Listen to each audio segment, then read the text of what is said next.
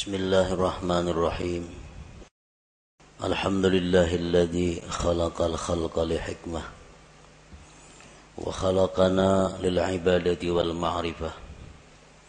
أشهد أن لا إله إلا الله وحده لا شريك له وأشهد أن سيدنا محمدا عبده ورسوله إلى جميع الأمة. اللهم صل وسلم وبارك على سيدنا وحبيبنا محمد كاشف الغمة وعلى آله وأصحابه وذريته وأتباعه إلى يوم القيامة أما بعد yang kita hormati dan kita cintai para habaib dan para alim ulama para muhibbin hadirin hadirat rahimakumullah Alhamdulillah segala puji bagi Allah kita haturkan syukur kita kehadirat Allah Subhanahu wa taala yang telah mengumpulkan kita dalam zikrullah dan kalimah thayyibah lainnya. Semoga Allah mengumpulkan kita selalu dalam kebaikan dan takwa. Amin ya rabbal alamin. Salawat dan salam kita haturkan kepada baginda kita, junjungan kita Nabi besar Muhammad sallallahu alaihi wasallam dan seluruh keluarga, para sahabat, zuriat dan pengikut beliau sampai hari akhir nanti. Para muhibbin rahimakumullah, al-hikmatu thaminah min al-hikamil ataiyah. Al-imam Ahmad bin Athaillah As-Sakandari rahimahullah wa nafa'ana bi ulumi. Hikmah yang kedelapan daripada al-hikam al-ataiyah berkata pengarang Al-Imam Ahmad bin Atta'illah asakan dari rahimahullah Idza fatahalaka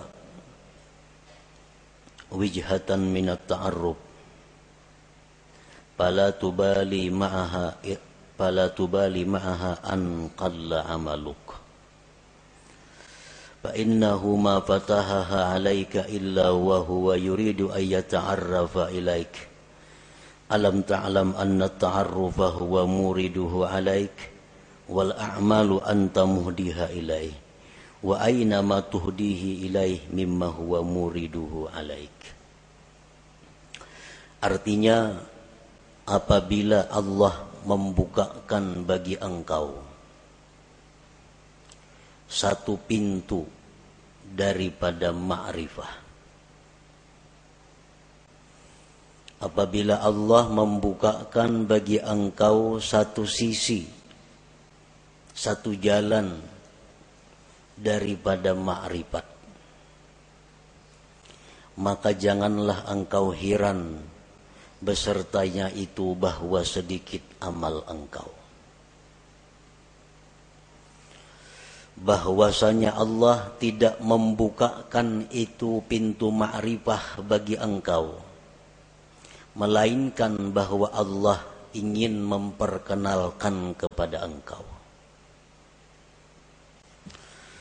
Apakah engkau tidak tahu bahwa memperkenalkan itu adalah Allah yang mendatangkan atas engkau?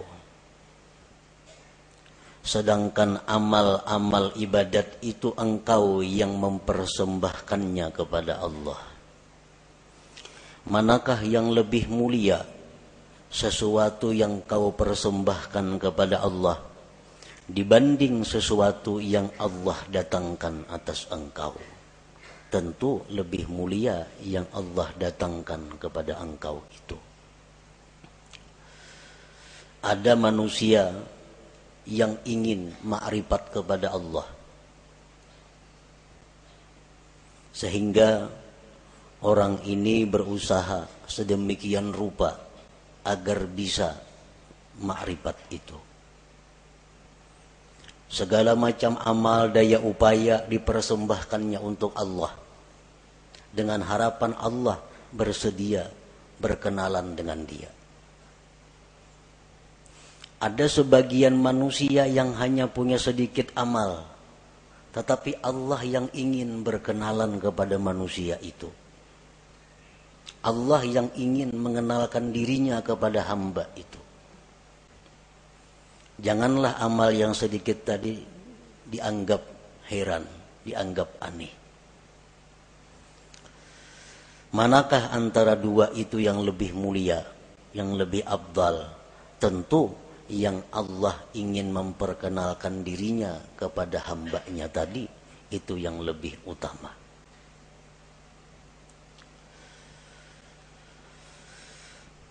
tanqasimul ma'rifatu ila kismain ma'rifatin ammah wa ma'rifatin khassah. Bal ma'rifatul ammah bi an ta'lama wa tuqirra anna Allah ta'ala wahidun qadirun muridun alimun hayyun sami'un basirun mutakallim ila akhirih. Ma'rifat itu ada terbagi dua. Satu ma'rifat yang umum. Yang kedua, makrifat yang khusus.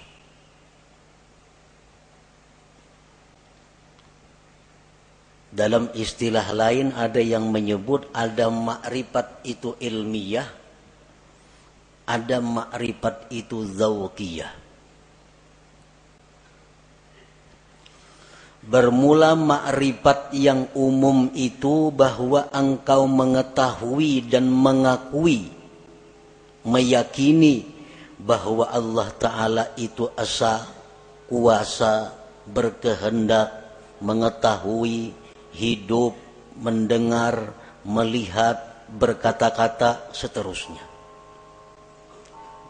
Nah, ini dinamakan adalah makrifat ammah, makrifat yang umum. Kita tahu, kita mengetahui, meyakini, mengakui bahwa Allah Esa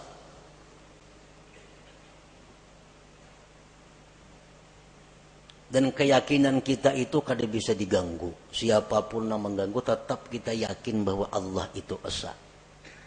Kuasa, berkehendak, dan seterusnya. Nah ini disebut makrifat umum. Wa tahsulu hadhil ma'rifah bitta'allum wa tafakkur wal istidlal dan makrifat umum ini didapat dengan belajar, tafakur, dan mencari dalil. Inilah ma'rifat yang dimaksud dengan awaluddin ma'rifatullah. Awal agama itu adalah ma'rifat kepada Allah. Nah, ma'rifat umum ini maksudnya. Dan setiap orang yang beriman mempunyai ma'rifat umum ini. Setiap orang yang beriman mengetahui, meyakini bahwa Allah bersifat dengan sifat kesempurnaan, kebesaran dan keelokan. Maha suci Allah bersifat kekurangan, aib dan celah. Itu sudah setiap orang beriman. Mereka sudah punya makrifat yang umum ini. Wal ma'rifatul khassah. Nah, makrifat khusus Makrifat khusus inilah yang dikatakan oleh para ulama sufi. Inna fid dunya jannatan man dakhalaha lam yashtaq ila jannatil akhirah ala wahiyya ma'rifatullah ta'ala. Di dalam dunia ini ada surga. Di dalam dunia ini ada surga. Siapa yang masuk ke dalam surga itu dia tidak ingin lagi kepada surga akhirat. Surga apakah yang ada di dunia itu? Ialah ma'rifatullah, ma'rifat kepada Allah. Nah ini ma'rifat khassah, ma'rifat zawqiyah ngarannya. Bukan ma'rifat ammah tadi. Apa yang dikatakan oleh Al-Habib Al-Kutub Abu Bakar Al-Adani Al-Idrus Man Allah safalahul aish wa tabat lahul hayat. Barang siapa yang makrifat kepada Allah, maka hidupnya dipenuhi dengan kebahagiaan dan kesenangan. Nah ini makrifat yang khasah ini maksudnya. Ma'rifatullah yang khusus ini.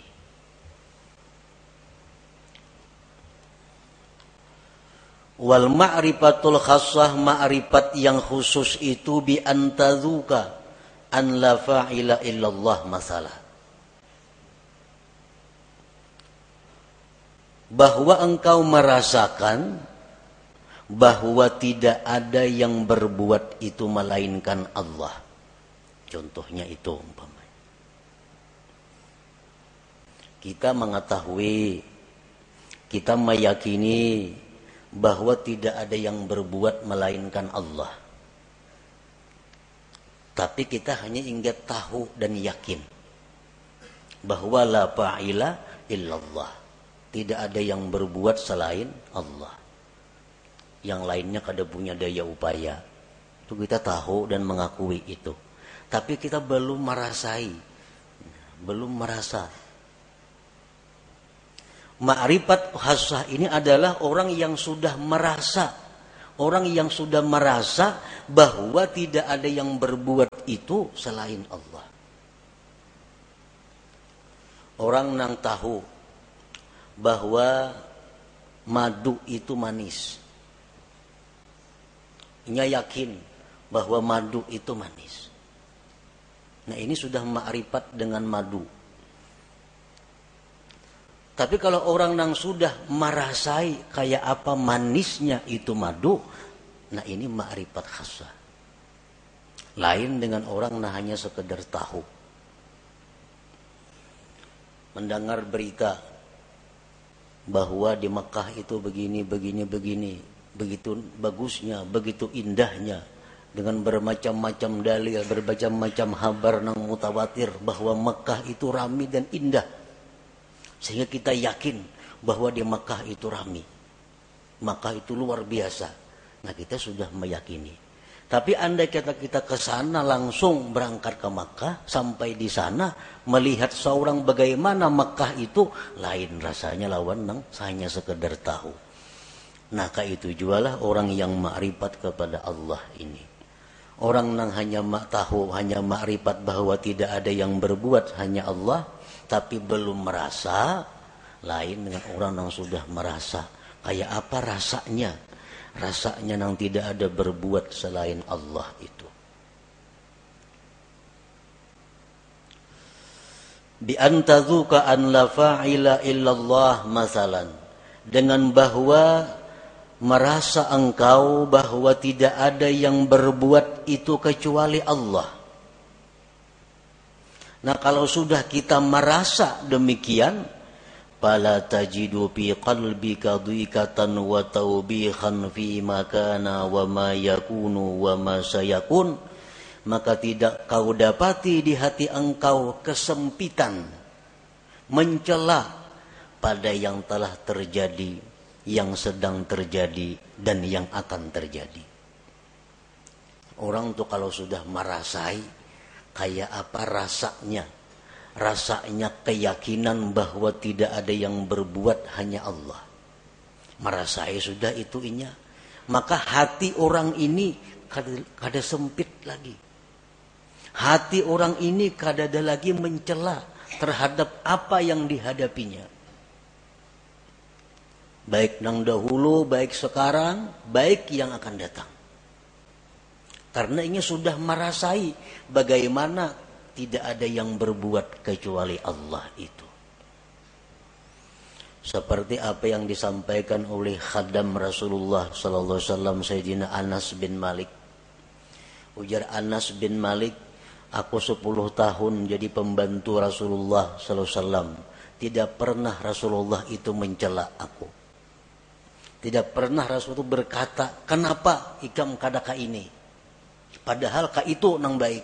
Kada pernah. Nah, ini menunjukkan bahwa Rasulullah Shallallahu Alaihi Wasallam itu merasakan sudah bagaimana yang dimaksud dengan la ilah illallah itu. Nah inilah makrifat khasah.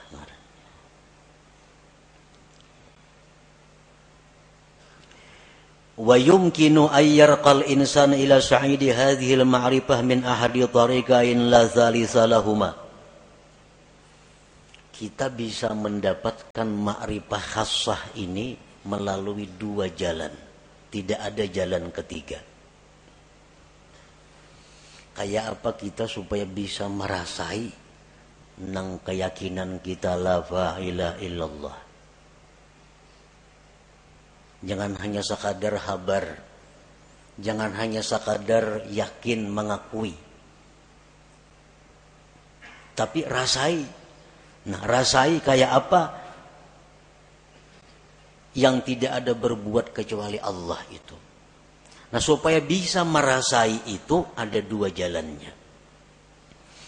Yang pertama disebut tarikul hidayah wal inabah.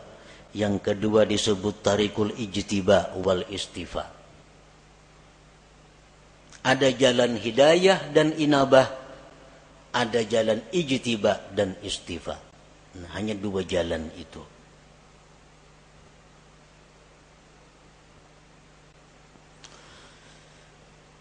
Fatariqul hidayah wal inabah tariqun tawilun syaq.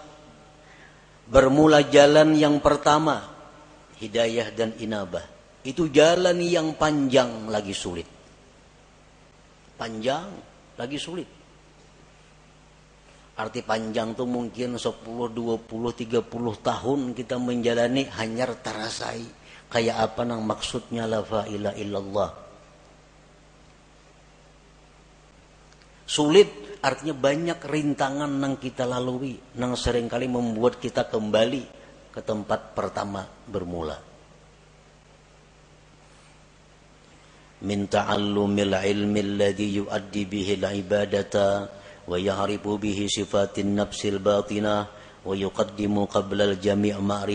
aqidati ahli sunnah wal jamaah wa taubatin nasuh wa tahsinin niyyah wa tasihit taqwa wal wara'i wal zuhdi wa kasratil azkar wal aurat wa ghairi dhalik wa kulluhu yuhdihal abdu Allah ta'ala. Belajar dahulu ilmu. Nang dengan ilmu itu kita bisa beribadah bisa sembahyang berudu sebagainya. Belajar ilmu mengenali sifat-sifat diri yang batin. Apa sifat nang terpuji di batin kita apa nang tercela. Berakidah ahli sunnah wal jamaah. Tobat nasuha niat yang bagus takwa yang benar wara zuhud banyak berzikir banyak berwirid dan selainnya itu pekerjaan sehari-hari ada yang sepuluh ribu zikirnya sehari. Dan mungkin ada yang berpuluh-puluh tahun hanya diberikan Allah rasa bagaimana itu ma'rifatullah tadi.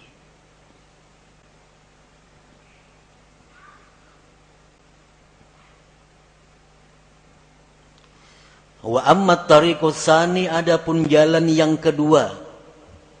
Tariqul ijtiba wal istifa fayakunul bad'u minallah ilal abdi jalan yang kedua ini adalah jalan di mana Allah yang ingin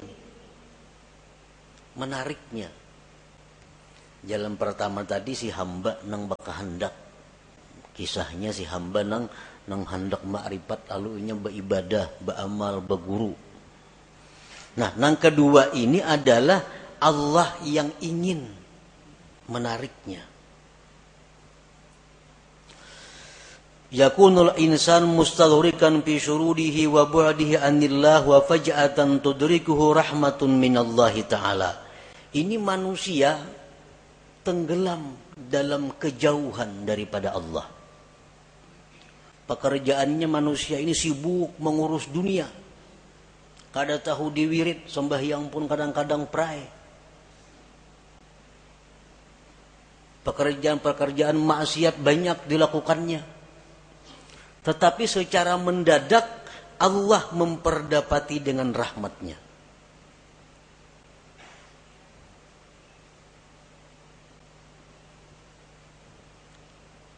Begitu Allah memberikan rahmat kepada orang ini, maka orang ini langsung dirasakan Allah bagaimana rasanya ma'rifat kepada Allah itu.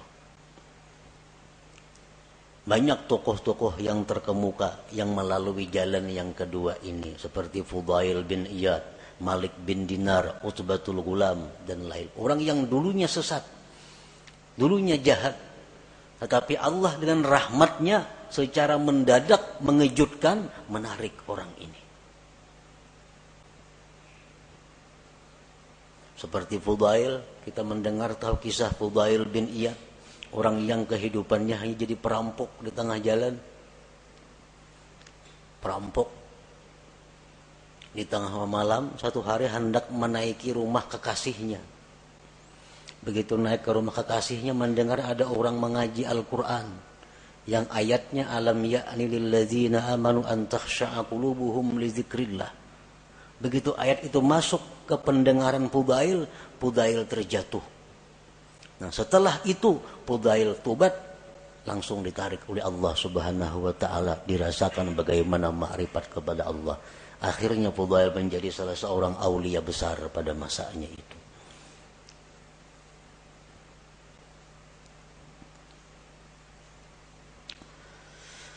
Allah menarik orang ini lisababin minal asbab allati qad la ya'lamuha illallah. Allah menarik orang ini karena ada sebab. Yang kadang-kadang sebab itu hanya diketahui oleh Allah.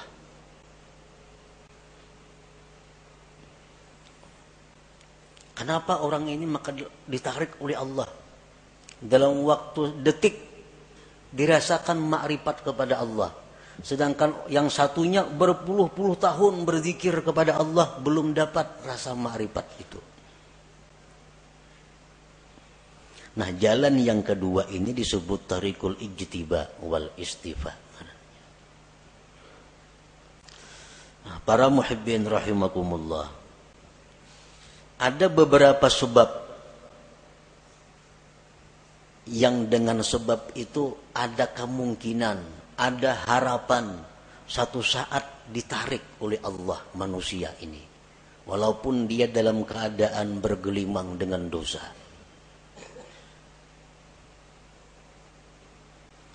Pertama dengan sebab ilmu. Ilmu orang ini pada dahulu mengaji sekolah pesantren ke majelis taklim bertahun-tahun udah mengaji demikian. Pesantren tamat sekolah. Timbul ke kampung bulik buntat. Nah, minum arak berjudi berzina pekerjaan. Nah, tamatan pesantren nih. Nah orang seperti ini pada akhirnya satu saat ada kemungkinan ditarik oleh Allah dengan cara seperti tadi berkat ilmu yang dia pelajari selama sekian tahun dahulu kala itu bisa kena orang ini jatuh sakit nah, sadar insaf dirasakan oleh Allah bagaimana orang yang makrifat kepada Allah itu nah sebab ilmu jadi menuntut ilmu ini kada ada ruginya tak amalakan kah kada kah Pokoknya bila berilmu tuh ada ada keuntungan. Ada keuntungan. Yang kedua, as pemurah. Pemurah. Orang ini macam-macam maksiat dilakukannya. Tapi pemurah. Pemurah. Pemurah itu dalam arti agama lain dengan arti adat. Ini pemurah dalam arti agama. Artinya orang yang menyumbangkan kekayaannya di jalan yang benar. Ada orang sakit dibantunya, ada orang kesusahan dijulunginya duit, ada orang saleh diberinya duit, ada orang ini dikasihnya duit. Pemurah. Padahal kelakuannya sembahyang tapi sembahyang orangnya.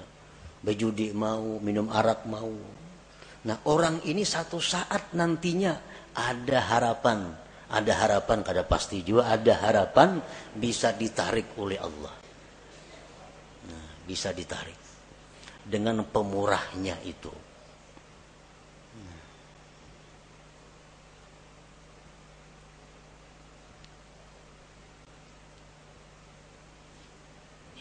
Yang ketiga al-adlu adil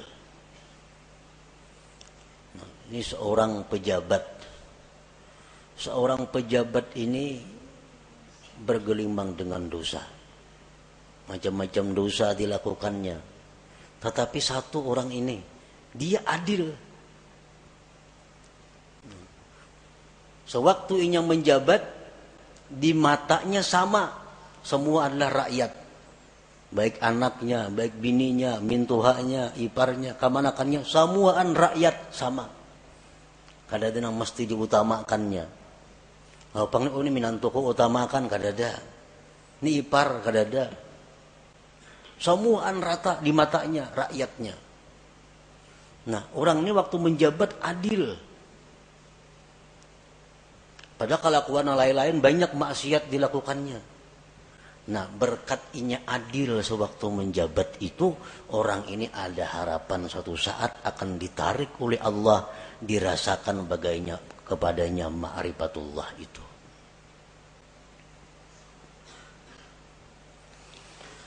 Rasulullah sallallahu alaihi wasallam bersabda, "Tajawazu an dzambis sakhi wa zallatil alim wa satwatis sultanil adil, fa inna Allah akhadha bi yadihim kulla ma'athara 'athirun minhum." Akhrajahu al-Khatib. Ujar Nabi kita, maafkanlah kesalahan orang-orang alim, orang-orang pemurah, raja-raja penguasa-penguasa yang adil itu karena Allah memegang tangan mereka. Bila mereka tergelincir, Allah yang akan menarik mereka.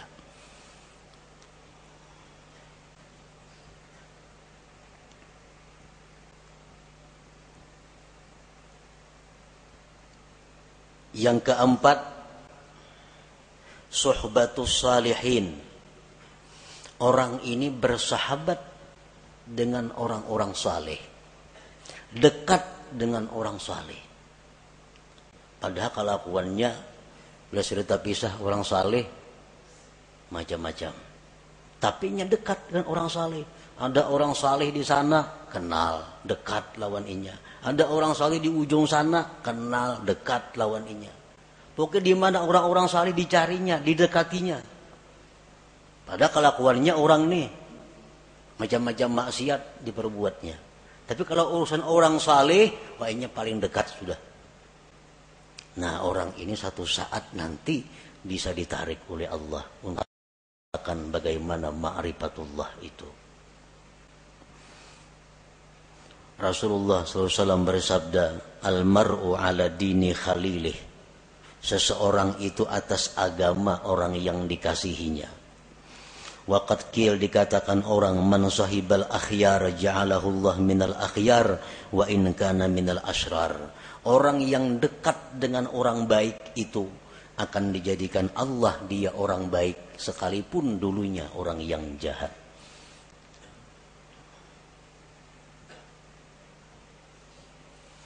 Yang kelima, mahabbatus salihin. Cinta kepada orang-orang saleh atau dicintai oleh orang saleh. Inya ini katuju lawan orang-orang baik. Hormat lawan orang-orang baik. Cinta lawan orang-orang baik. Atau orang ini kada tahu manahu cuma orang-orang saleh katuju lawan inya. Nah, orang-orang ahli zikir katuju lawan inya. Orang-orang ahli salawat ketujuh lawan inyan itu. Dikatujui oleh orang-orang baik. Nah maka orang itu ada harapan nantinya akan ditarik oleh Allah subhanahu wa ta'ala. Selanjutnya lagi kasratus salah ala Nabi sallallahu alaihi wasallam. Banyak bersalawat lawan Nabi. Orang ini pemabuk, penzina, penjudi, tapi dalail seminggu sehatam.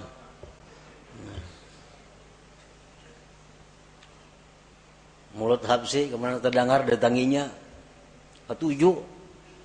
Kisah-kisah Nabi ketujuh. Tapi maksiat jalan terus juga. Salawat selalu dibacanya. Nah orang seperti ini ada juga harapan. Satu saat kaina dikembalikan oleh Allah, ditarik dan dirasakan ma'rifatullah itu. Di antara sebabnya lagi nasabun tayyib, keturunan yang baik. Aba'u sulaha, abah-abah kaki nenek orang-orang saleh. Datuknya ke abah hari orang wali. Nampak ke atas pada datuk lagi. Hmm. Yang tujuh turun sudah. Orang wali bahari sejin itu. Nah, cucuk-cucuknya ini ada yang nakal macam-macam. Tapi akhirnya kayaknya bisa ada harapan cucuknya itu insaf dan ditarik oleh Allah Subhanahu wa taala berkat doa-doa daripada orang-orang dahulu kakek moyang nenek moyangnya itu. Nah, jadi itu bagian daripada sebab-sebab yang dengan sebab itu Allah menarik seseorang ini menjadi kekasihnya dan dirasakannya bagaimana ma'rifat kepada Allah Subhanahu wa taala itu. Nah, para muhibbin rahimakumullah. Setiap manusia yang beriman kepada Allah dan mempunyai keinginan yang tinggi, kehormatan yang tinggi, dia pasti ingin mendapatkan yang disebut ma'rifatullah itu. Bagaimanapun kelezatan yang ada di dalam dunia, bagaimanapun ada kemewahan yang ada dalam dunia, bagaimanapun keindahan yang ada dalam dunia, kalau seseorang itu sudah merasakan bagaimana ma'rifatullah, ma'rifat kepada Allah itu, maka semuanya akan hilang kada akan bisa dibanding dengan bagaimana indahnya, lezatnya, bahagianya orang yang ma'rifat dengan Allah itu. Nah, sebahagian manusia ada yang berusaha untuk berkenalan dengan Allah. Sebagian manusia ada yang Allah menarik untuk berkenalan dengannya. Yang pertama disebut suluk, yang kedua disebut jazab ngarannya. Kedua-duanya itu adalah mulia. Kedua-duanya adalah sesuatu jalan yang terpuji. Sebagian ulama ada yang mengatakan bahwa yang ditarik oleh Allah itu itu lebih abdal daripada orang yang menjalani jalan suluk atau jalan hidayah wal inabah tadi. Nah, para muhibbin rahimakumullah, mudah-mudahan Allah Subhanahu wa taala membukakan hati kita pintu ma'rifah kepada Allah Subhanahu wa taala sebelum akhir hayat kita. Ila hadratin Nabi sallallahu alaihi wasallam al-Fatihah.